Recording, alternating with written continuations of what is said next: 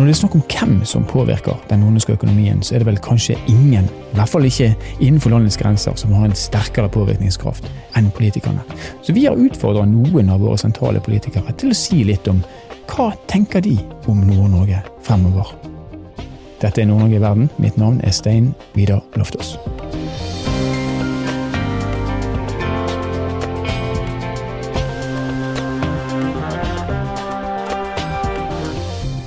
Hadia Tajik hun er mest kjent for uh, sitt virke i Arbeiderpartiet. En sentral politiker i veldig mange år, uh, og kanskje en av de aller mest uh, tydelige opposisjonspolitikerne. Hun er også journalist. Hun har en master i menneskerettigheter fra Kingston University, og hun er kan jeg si at du er advokat, eller du er i hvert fall jurist? Jeg er jurist. Du er jurist. Og i dag er hun her hos oss i Tromsø i Nord-Norge i verden. Hjertelig velkommen for at du tar deg tid til å møte oss. Tusen takk, det var kjekt å bli invitert. Og Vi skal snakke litt om eh, politikk. Vi skal snakke litt om Arbeiderpartiet, naturlig nok, og om hva Arbeiderpartiet vil med Nord-Norge. Men jeg har lyst til å starte aller først med å snakke, snakke litt om, eh, om, Hadia. Hvem er Hadia Tajik? Ja, det er jo et eksistensielt spørsmål å stille noen. Men jeg er ei jente fra Bjørøysbygd. Det er en liten plass i Rogaland. Jeg er veldig stolt av heimplassen min. Eh, men jeg har altså eh, hatt virket mitt da i Oslo gjennom de siste åra, og sittet på Stortinget på vegne av Arbeiderpartiet i ganske mange år etter hvert, til tross for din ganske unge alder. Ja, tida har gått. Vi ble valgt inn på Stortinget i 2009. Mm. Mm.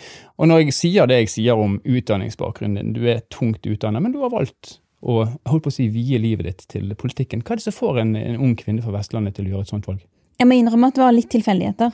Jeg hadde jo egentlig tenkt å bli journalist eh, og jobbe som det. Og bruke jussen inn i journalistikken og så ha en fagkompetanse i bunn. fordi jeg tenkte nå i hvert fall litt å ha hatt en del vikariater som journalist, at én eh, ting er å kunne skrive, men det er noe helt annet å ha noe å skrive om. Mm. Altså det å ha et fundament å stille de kritiske spørsmålene ut ifra og analysere ut ifra.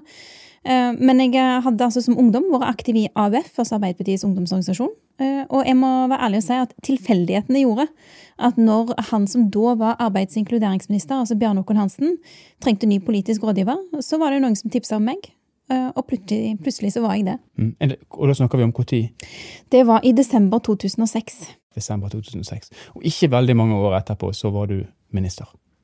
Ja, det, var, det tok noen år, da. Eh, altså, i, i, september 2012 så ble jeg kulturminister ja. i det som da var Stoltenberg II-regjeringa. Mm. Eh, det var en eh, flott og stor oppgave. Da besøkte jeg bl.a. Tvibit, faktisk, der vi står her i dag, mens de bygga det. Eh, og det har vært en enorm satsing fra Tromsø, ikke minst, å få dette her på plass. Det har blitt en viktig møteplass for ungdommer og, ja, og folk som har dratt litt på året, da. Tvibit bitte blitt et fantastisk hus. Eh, altså, du, går, altså, du går ifra å ha en, en, barndomsdrøm kan man si, om å være journalist, eller man, du har bestemt deg for et yrke, og så plutselig så er du blitt politiker. Og der har du blitt. Hva er ambisjonene til Hadia Tajik eh, som politiker fremover? Det er å klare å utgjøre en forskjell for noen andre. Altså, Jeg ser jo hvordan politiske beslutninger har hatt stor betydning for det livet som jeg har fått. Eh, jeg kommer fra en helt vanlig familie. Foreldrene mine kom fra Pakistan som fremmedarbeidere på 70-tallet. Eh, altså, De kom med to tomme hender og hadde ingenting, men de klarte å skape seg et liv her. Eh, de fikk ungene sine på skole. Både meg og broren min fullførte skolen og fikk et, liksom, et fundament, et vitnemål i hånda, som gjorde at vi har klart å få flere muligheter enn det mor og far fikk i sin tid, og ikke minst som de fikk i Pakistan. Eh, og det er jo noe som har gjort meg veldig bevisst på at de politiske beslutningene som er tatt, som har gjort at vi har en god offentlig skole som er tilgjengelig for alle, at vi har et godt gratis helsevesen, det er beslutninger som er så viktige at jeg gjerne vil bruke en del av ja, min tid som voksen på å bidra til at flere får tilgang til det. Å gjøre noe for andre, det er jo et edelt forsett. Men du har også eh, gått ifra å være altså, politisk rådgiver i 2006 til å bli minister. Du har blitt nestleder i Arbeiderpartiet. Hvis vi skal snakke om posisjoner, og du ser litt fremover i tiden, hva er ambisjonen din da? Altså, Min ambisjon har alltid vært å gjøre en best mulig jobb der jeg til enhver tid er. Uh, av to grunner. Den ene grunnen er at det er forferdelig kleint å møte folk som tenker først og fremst på hvor de skal være om ti år, fordi du ser det på dem. Og det, det, er et eller annet litt sånn der grått og glassaktig i blikket deres, fordi de er ikke her nå. De er ikke her sammen med deg. De er i en eller annen fantasiverden som ligger langt der fremme. Og det er ja, både kleint og ubehagelig, og sånn har jeg ikke lyst til å være. Og den andre grunnen er at hvis du virkelig har lyst til å ha liksom, mange muligheter seinere, så må du være skikkelig god på det du gjør akkurat nå. Mm. Så det er gode grunner til å bare fokusere på det vervet jeg har. Men hvis jeg allikevel skal stille det spørsmålet på en helt annen måte, 10 år fram i tiden, 15 år fram i tiden, er det naturlig å tenke seg Hadia Tajik som eh, den første statsministeren i Norge av en annen religion enn den typiske norske? Vi har allerede en partileder i Arbeiderpartiet. Eh, han heter Jonas Gahr Støre. Han er vår statsministerkandidat. Eh, og jeg kommer til å jobbe beinhardt for at han blir statsminister. Der fikk jeg som fortjent. Da har vi et litt tydeligere bilde av Hadia skal vi snakke litt om politikk. Eh, og Arbeiderpartiet, fra å være posisjons, eh, i posisjon når du eh, da for alvor kom inn i politikken, og til å bli et opposisjonsparti etter stortingsvalget for ja, seks år siden, er det vel nå. I den perioden, eller kanskje også litt forut for det, så kan man kanskje si at taket som Arbeiderpartiet har hatt på Nord-Norge, har ja, det er i hvert fall blitt betydelig svekka. Hva tror du er årsaken til det? Jeg tror det handler om at vi ikke har klart å ta opp de sakene som folk i Nord-Norge har vært opptatt av. Vi har ikke klart å representere denne landsdelen på den måten som vi sjøl har hatt ambisjoner om. Mm. Og når folk eh, ser det, eh, og ikke er fornøyd med det, da velger de heller å stemme på noen andre. Og det erkjenner vi, og det er òg noe av grunnen til at vi har brukt mye tid Eh, på, altså på, at folka våre, våre tillitsvalgte, skal være godt orientert om situasjonen i Nord-Norge. Nå er vi her akkurat i dag og har vært her de to siste dagene med hele vår stortingsgruppe og alle våre ansatte i det sentrale apparatet. Eh, folka våre har reist rundt i Nord-Norge, så de har ikke bare vært i Tromsø. De har vært i Hammerfest, de har vært i Alta, de har vært i Tana, de har vært i Vadsø. Altså de har vært i Bodø, eh, rundt omkring. Eh, og det handler om å altså, både danne seg et bilde, men òg skaffe seg et nettverk og et bedre grunnlag for analysen, og et bedre forutsetninger for de politiske tiltakene også, som vi da velger å fremme. Og Da ligger det i det at dere skal analysere, men hvis jeg spør deg likevel, hva vil Arbeiderpartiet med Nord-Norge? Altså Det som er viktig for oss, det er at de tingene vi gjør for Nord-Norge, det er ikke fordi vi syns synd på Nord-Norge, mm. eller fordi Nord-Norge trenger noen almisser fra sentralmakta i Oslo. Det vi trenger å gjøre for Nord-Norge, det må vi gjøre fordi Norge trenger det. Altså hele landet. Den posisjonen som Nord-Norge har, og de mulighetene som Nord-Norge har, er verdt å investere i for hele landet vårt. Vi har sett eh, i tidligere rapporter eh, at eh, verdiskapinga i den nordligste delen av landet enten det er i Norge eller USA eller Canada eller Russland, så har man sett at verdiskapinga der har vært nesten dobbelt så høy de siste ti åra som det det har vært i resten av landet. Og da har det handla særlig om en del, en del, eh, næringsområder som har utmerka seg spesielt. Det handler om fisk og havbruk, det handler om skipsfart, det handler om mineralutvinning, det handler om olje og gass, og det har òg handla om reiseliv. Og det å klare å identifisere disse områdene, ha en ordentlig satsing på det, så at vi kan skape flere verdier og arbeidsplasser både for Nord-Norge og for landet vårt. Og Der nevner du sentrale næringer eh, for Nord-Norge, og det nordnorske potensialet som, som, mange etter hvert omtaler. Det er jo ofte beskrevet med de næringene. Men, men hva er det dere konkret vil gjøre, som f.eks. dagens regjering ikke har vært i stand til å gjøre? Altså, Vi ønsker jo å føre en mye mer aktiv næringspolitikk, eh, mens dagens regjering har valgt å ha en ganske passiv stat.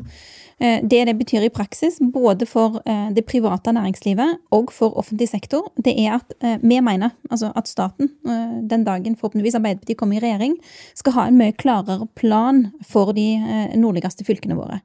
Det betyr at f.eks. på de næringsområdene som jeg her nevner, på fiske og havbruk, at man skal ha en mye tydeligere strategi for hvordan man kan utvikle det. Eh, altså det er eh, et stort potensial for å eh, foredle mer på land. Ikke bare hente opp fisken og frakte den til en annen plass. Mm. Der mener vi at staten må ta en, en rolle i å drive fram den type næringer. det handler også om mineralutvinning, fordi vi ser jo at det er andre land i verden som får en sterkere og sterkere posisjon. Mm. Kina f.eks. Samtidig som vi vet at vi har mye mineraler i Norge som det er mulig å få tilgang til, og som òg kan være med på å skape arbeidsplasser. Staten må ta en rolle i at dette faktisk faktisk kommer til å foregå. Det andre som handler om offentlig sektor, det er at eh, høyreregjeringa har valgt å sentralisere og legge ned en rekke offentlige etater som har utarma distriktene våre rundt om i hele landet, men òg i Nord-Norge, for arbeidsplasser og kompetanse. Og Skal du virkelig ha levende lokalsamfunn, så trenger du både privat næringsliv og du trenger en sterk offentlig sektor. Og Der er du inne på verdiskapning, og det skal jeg komme tilbake til hvis jeg bare klarer å huske dette hvert. Men jeg har lyst til å, å ta fatt i um, altså Når du snakker om å være passiv eh, kontra å være aktiv. fordi Det å, å legge til rette for Det blir sånne ord som blir for veldig mange ganske vanskelig å forstå. Men helt sånn helt konkret, hvis vi ser på Arbeiderpartiet sin historie i Nord-Norge, mm. gjenreisningen etter krigen. Universitetet i Nord-Norge, Snøhvitfeltet. Altså megaprosjekter med stor effekt, og som ga stor oppslutning og stor tillit mm. også, antakeligvis. Hva er de neste prosjektene Arbeiderpartiet skal slå til med i, i nord? Vi mener jo f.eks. at eh, Johan Castberg burde fått lokale ringvirkninger. Mm. Og, eh, altså, vi reagerer veldig sterkt på at eh, Equinor har valgt å legge vekk eh, planene om eh, terminal på Veidnes. Vi mener jo at når man klarer å identifisere det verdiskapingspotensialet som finnes her, så har òg lokalsamfunnet rett til å få bygd den kompetansen, skap de arbeidsplassene som, ja, som er mulig å skape. Mm. Og der opplever vi jo at uh, høyreregjeringa bare har meldt seg helt ut av den debatten og sagt at uh, markedet styrer. Eh, hadde vi vår regjering, ville vi tatt mye sterkere styring på det sjøl. Men det, når du sier Veidnes, for altså, det blir jo skrinlagt av et uh, antakelig av bedriftsøkonomiske hensyn, sikkert analyser som ligger bak det. og verdiskapningen skjer jo ikke på Veidnes. Da velger man jo å si at her er et verdiskapningspotensial, og vi plasserer det et sted. Mm. Er, er det lurt i et spett av Nord-Norge? Altså, jeg kommer jo fra et fylke sjøl som mm. har mhm. sett eh, hvor eh, stor betydning det har eh, at man har en aktiv stat som har en plan for deg, og har en plan for lokale ringvirkninger, og som har en idé om at lokale verft må kunne få ta del i den verdiskapinga som f.eks. olje- og gassvirksomheten mm. betyr. Eh, og det er jo òg noe som jeg opplever at flere eh, i nord òg har etterlyst. At når, eh, når, man velger å ha den type relativt inngripende prosjekter som f.eks. Johan Castberg innebærer, og man vet at det skaper enorme verdier og ganske mange årsverk, mm. så må det være lov å stille krav om at en del av de årsverkene òg må tilfalle lokalsamfunnet der dette er. Og ikke bare tilfalle Sør-Korea, der man produserer en del av det som skal til for å få plattformene opp å stå, eller at det tilfaller Kina, eller at det tilfaller tilfalle andre deler av landet. Og dette er det mulig å ha planer for og stille krav om. Mm. Det har høyreregjeringa bare valgt å ikke gjøre. Mm. Så du tror ennå på livskraftige lokalsamfunn eh, overalt? Folk skal fortsatt kunne velge å bo der de måtte ønske å bo? Ja, og, og både fordi hver enkelt må kunne selv få definere hva som er et godt liv for deg, men òg fordi det er viktig for Norge. Mm. Det er viktig for Norge at vi får tatt hele landet vårt i bruk. Og da må det være mulig å både ha en jobb å gå til som gir deg en lønn å leve av, og ha et godt liv med et kulturtilbud og muligheter i lokalsamfunnet som gjør at du har lyst til å ha familien din der. Nord-Norge taper folk. Altså, vi, vi, har en netto nedgang. Folk velger å flytte fra landsdelen. Eh, aller først, Hva tror du er årsaken til det? Mm, vi ser jo at de samme tendensene som, som fins i, ja, i, hele resten av verden, nemlig at man trekker mer og mer inn mot byene, at det er en tendens som man òg ser i Norge. Og da kan man jo selvfølgelig bare lene seg tilbake og si at uh, dette er en trend, og det, sånn er det på en måte bare. Mm -hmm. Eller så kan man si at vi ser at dette skjer, og vi vil politisk motvirke at det skjer. Og der er jo Arbeiderpartiet. Vi vil jo at folk som ønsker det, skal kunne fortsette å bo. Mm. Enten det er i Bjørheimsbygd eller Bodø eller hvor det enn måtte være. Altså, man, man, må ha en plan for uh, å kunne skape livskraftige lokalsamfunn. Mm. Vi hørte, eller noen, noen, hørte i hvert fall Jonas Gahr Støre på Universitetet i Tromsø i går, der han snakka om eh, desentralisert utdanning. At det må bli mulig å utdanne seg der du er. Og Det har, vært, eh, det har pågått en ganske sånn betent debatt i Nord-Norge om eh, ett eller to universiteter. Hvor skal de ha sine mm. utdanningssteder osv. Tror du på at det vil være kraft nok å få, til å få de beste menneskene til å undervise, og dermed utdanne de beste menneskene, hvis man eh, velger å smøre dette her tynt utover? Kontra det å kraftsamle, f.eks. si at vi har ett universitet eller to universitet innenfor regionen vår. Mm. Man har jo sett konsekvensene av å ikke ville skape sterke fagmiljøer i alle deler av landet. Eh, man vet jo f.eks. at eh, hvis en student som er født og oppvokst eh, her i byen, velger å dra til Oslo for å studere i stedet for å bli her i Tromsø, så er det 15 eh, sannsynlighet for at den studenten returnerer her mm -hmm. etter at utdanningen er ferdig. Hvis den studenten i stedet for å dra til Oslo for å ta de studiene, velger å bli her, ta utdanning ved et av de to nordnorske universitetene, så er det nesten over 70% sannsynlighet for at de faktisk blir værende og er med på å utvikle lokalsamfunnene sine. Mm. Så det å ha eh, et eh, desentralisert utdanningstilbud eh, er svært viktig for at vi skal kunne fortsette å ha ja, sykepleiere, ingeniører, lærere som kjenner lokalsamfunnet og har lyst til å bli lokalsamfunnet, og som har lyst til å bygge lokalsamfunnet sitt. Men forskjellen mellom å ha to universiteter og å ha altså små institusjoner på, på mange småsteder er jo Der er jo en reell forskjell mellom det. Hva er det Arbeiderpartiet egentlig mener da for Nord-Norge? Skal, skal vi kraftsamle Bodø-Tromsø, eller skal vi ha det overalt? Altså, Vi har vært for at man gjør noen sånn kraftsamlinger, altså at man på tvers av institusjonene samarbeider godt og har f.eks. Eh, en, en fordeling av fag, sånn at det går an å skape noen sterke fagmiljøer en plass, og så er det et annet sterkt fagmiljø en annen plass. Eh, men når det er sagt, så er det å ha utdanningstilbudet tilgjengelig der folk bor, òg mm. en veldig viktig del av det. Og jeg tror ikke vi kan undervurdere det. Altså, eller, altså, vi, vi, kan i hvert fall ikke underslå hvor viktig det er mm. at utdanningstilbudet faktisk er tilgjengelig i alle plasser. Eh, for at folk skal benytte seg av det, og for at det skal ha betydning for at folk faktisk blir. Bra. Vi skal uh, pense det over litt på, uh, på si, neste stortingsvalg og Arbeiderpartiets strategi inn mot det. det rød-grønne har vi hørt om i veldig mange år. Hva kommer til å være modellen inn mot neste stortingsvalg? Snakker vi fortsatt om det rød-grønne med de samme deltakerne, eller er dere åpne for nye konstellasjoner? Altså, Vi har jo samarbeidet godt med SV og Senterpartiet i regjering tidligere. Vi jobber godt med de nå når vi sitter i opposisjon. Eh, og så er det noe sånn at eh, for 2021, det må vi ta i 2021. Eh, og det handler jo òg om at jeg kan ikke alene fra Arbeiderpartiet sier at eh, SV og Senterpartiet må samarbeide med oss. Mm. Det er jo òg en beslutning som SV og Senterpartiet må ta sjøl i sine partiorganisasjoner. Men det som er viktig for meg, er jo at vi klarer å ha et sterkt og tydelig arbeiderparti som folk opplever at de kjenner igjen, som står på for arbeidsfolk sine rettigheter, og som skaper en oppslutning som gjør at folk ser at det er politikken for vanlige arbeidsfolk som òg vil dominere i den regjeringen Arbeiderpartiet er en del av. Og når det gjelder Senterpartiet, så har jo de vokst der Arbeiderpartiet har blitt mindre. I Nord-Norge det var jo eh, veldig veldig store utslag til, i, i begge de retningene. Eh, og vi vet at, at Senterpartiet de f.eks. er knallharde når det gjelder å de skal reversere de forskjellige reformene som har vært osv. Et samarbeid, eh, Hvor langt er Arbeiderpartiet villig å gå for å please Senterpartiet når det gjelder f.eks. å snu opp ned på regionreformen? Det har dere kanskje sagt allerede, at dere mm. skal la folket bestemme. Men hvor langt er man villig til å gå tilbake? Altså Forhandlinger med Senterpartiet får vi ta i 2021, tenker jeg. Det er et eller annet som Det kan fort være litt arrogant ikke sant? å stå her mm. så lang tid i forveien og bare ta som en slags selvfølge at man vinner valg. Det har vi jo erfart i Arbeiderpartiet at det er ingen selvfølge.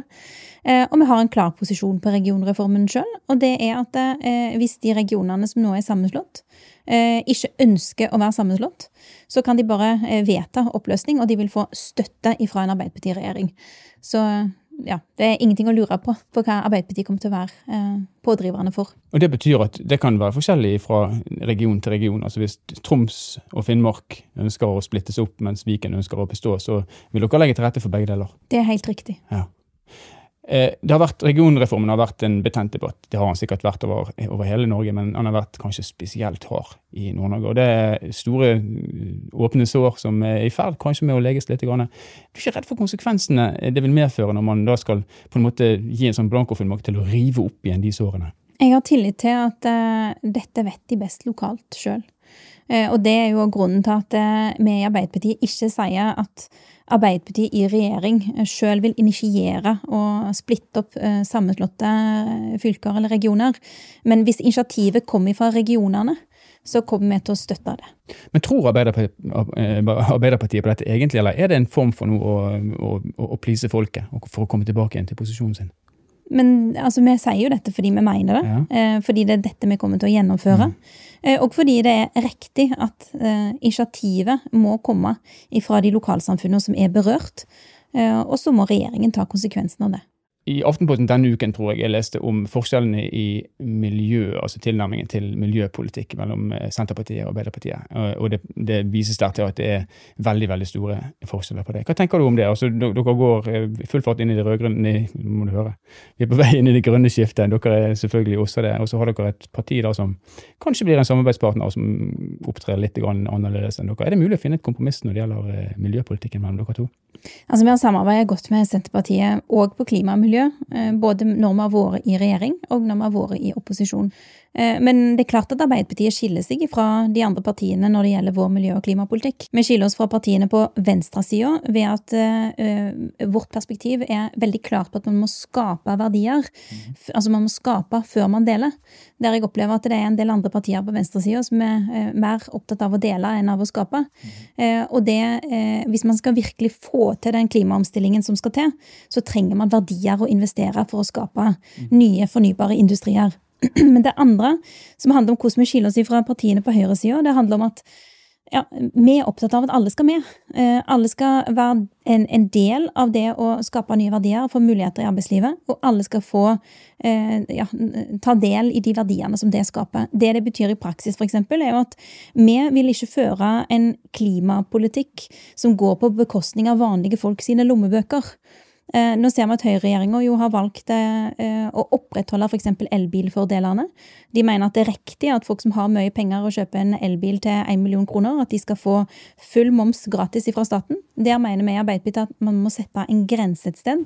Kjøper du en dyr luksuselbil, altså over 600 000 kroner, så må du betale momsen for det sjøl. Mm. Og det vi da bruker de pengene på, det er ganske mye penger, nesten en halv milliard kroner, det er å bygge ladestasjoner i distriktene. Det det handler om, det er at det å velge klimavennlig må kunne bli en realitet for alle. Alle må kunne ha det valget. Det har man jo ikke i dag. Men hvis vi ser på eh, altså forholdet mellom vekst og vern, som vi veldig fort kommer bort i når man snakker om det grønne skiftet. Eh, du sier vi, vi, er opptatt av å skape før vi deler. Og vi vet at Den nordnorske økonomien den er veldig veldig basert på hva skal jeg si, natur, eh, råvarer. Eh, og vi har eh, en rekke konflikter allerede. Du nevnte mineraler i sted. Vi har Nussir-saken. Eh, hvordan skal man klare inn i det grønne skiftet å holde balansen imellom det faktisk å skape vekst på dette området, men allikevel å verne? Mm. Altså, vi har jo to generasjonskontrakter i dette landet. Um, den ene generasjonskontrakten er at vi må klare å behandle kloden vår på en måte som gjør at det neste generasjon får, òg eh, er en, eh, altså en, god, levedyktig klode, som vi ikke eh, ødelegger. Men den andre generasjonskontrakten handler jo òg om at vi som lever her i dag, må skape de verdiene som skal til, også, som gjør at òg neste generasjon har en god skole å gå på, et godt offentlig helsevesen. At de blir ivaretatt hvis de blir syke eller gamle eller ikke har folk som kan stille opp for dem. Mm -hmm. Eh, og det å klare å kombinere de to generasjonskontraktene på én og samme tid, er helt, helt avgjørende. Det er ikke aktuelt for Arbeiderpartiet å eh, drive en politikk som gjør at folk blir redde for å miste jobbene sine, eller redde for om det kommer til å være jobber i framtida. Vi er nødt til å få til den klimaomstillinga som skal til, på en måte som både sikrer og skaper arbeidsplasser. Og det, det, høres jo fint ut, og det er jo, det er jo den logiske måten å si det på. Men når vi er så råvarebasert som vi er her oppe, eh, når vi vet at ethvert forsøk på å ta ut mineraler det skaper reaksjoner f.eks. hos urfolk eh, osv. Hvordan, skal man klare å styre det? Hvordan skal man klare den balansen? Mm. Men er det bedre for verden og for neste generasjon at de mineralene blir utvinna i Afrika f.eks. av kinesiske mm. eh, industriaktører som ikke er i nærheten av å stille den type krav til bærekraft og miljøhensyn som det vi velger å gjøre her i Norge. Som ikke er i nærheten av å stille krav til arbeidstakerrettigheter, sånn som vi gjør her i Norge. Eh, og som heller ikke, la meg si det sånn, sikrer noen lokale ringvirkninger mm. av de investeringene som de velger å gjøre. Altså for, eh, altså Vi i arbeiderbevegelsen har jo alltid vært en internasjonal internasjonal bevegelse. Vi har vært opptatt av at man må se ting i sammenheng. Og solidaritet handler òg om at noen ganger så må vi ta de grepene som må til for at verden skal være eh, ja, et, et, best mulig sted for alle. Mm, så en pragmatisk tilnærming? Ja, Den er både pragmatisk, men er, jeg mener jo òg at det er prinsipielt riktig. Mm. Eh, altså at vi som har mulighetene til det, eh, gjør, tar de industriskrittene som skal til. Eh, for, eh, for, at man òg kan eh, både bygge, skape arbeidsplasser, men òg sikre miljøet på best mulig måte. Og Et samarbeid med SV og MDG, som òg er en del av den siden av den politiske balansen. Hvordan skal man klare å ivareta det når man er så Dere er egentlig ganske på forskjellige sider, da? Jeg opplever at vi har igjen altså, samarbeidet godt med SV i mange saker. Eh, og det, jeg er trygg på at vi klarer å finne konstruktive løsninger, eh, hvis vi er så heldige i 2021 eh, at vi kan sette oss ned rundt et forhandlingsbord og finne ut av det sammen. Mm. Hva tror du er det viktigste for Arbeiderpartiet inn mot neste valg, for å kunne ta tilbake det grepet man historisk sett har hatt om Nord-Norge? Det aller viktigste? Å være talerør for vanlige arbeidsfolk sånn som dere har vært før i tiden. Jeg leste Arne Strand eh, han skrev en kommentar i, eh, i Dagsavisen for en tid tilbake. Eh, og Da skrev han at dersom Ap faller sammen i nord, så faller Ap som parti. Kanskje for godt. Og Nå er hele stortingsgruppen deres i Nord-Norge på, på, på, studietur. Er det, er, det så, er det satt på spissen, dette, eller har han rett i det han sier? Jeg tror Arne Strand har helt rett. Altså, Arbeiderpartiet som politisk og parlamentarisk parti eh, vokste jo fram fra nord. Um, våre første stortingsrepresentanter kom fra nord. 1903? Ja. ja. Og eh, det handler ikke bare om historie, det handler òg om identitet. Det handler om grunnleggende verdier. Det handler om at det i utgangspunktet har vist at vi klarer å representere hele landet. Og jeg tror det er litt viktig at vi finner tilbake til den stemmen der, som gjør at folk tenker at ja, de representerer hele landet. Så Nord-Norge er en soleklar ambisjon for dere i tiden som kommer? Ja, det er det. Eh, luftambulansesaken. Det, når vi snakker om åpne sår, vi kaller, jeg i hvert fall kaller regionreformen for det, så eh, er jo luftambulansesaken et, kanskje et minst like stort åpent sår. Nå hører vi at Arbeiderpartiet sier at kommer de til makten, så skal det tilbakeføres på statlige hender. Man skal vekk fra denne anbudsrunden og privatiseringen. Hvorfor tror du at eh, staten skal kunne klare å, eh, å ordne dette her bedre enn en privat aktør klarer det? Vi ser jo i dag at det ikke har eh, fungert etter intensjonen.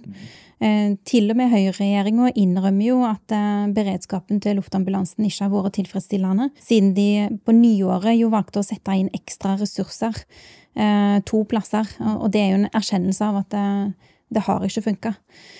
Og vi ser jo òg at altså, Hva er grunnen til at det ble sånn i utgangspunktet?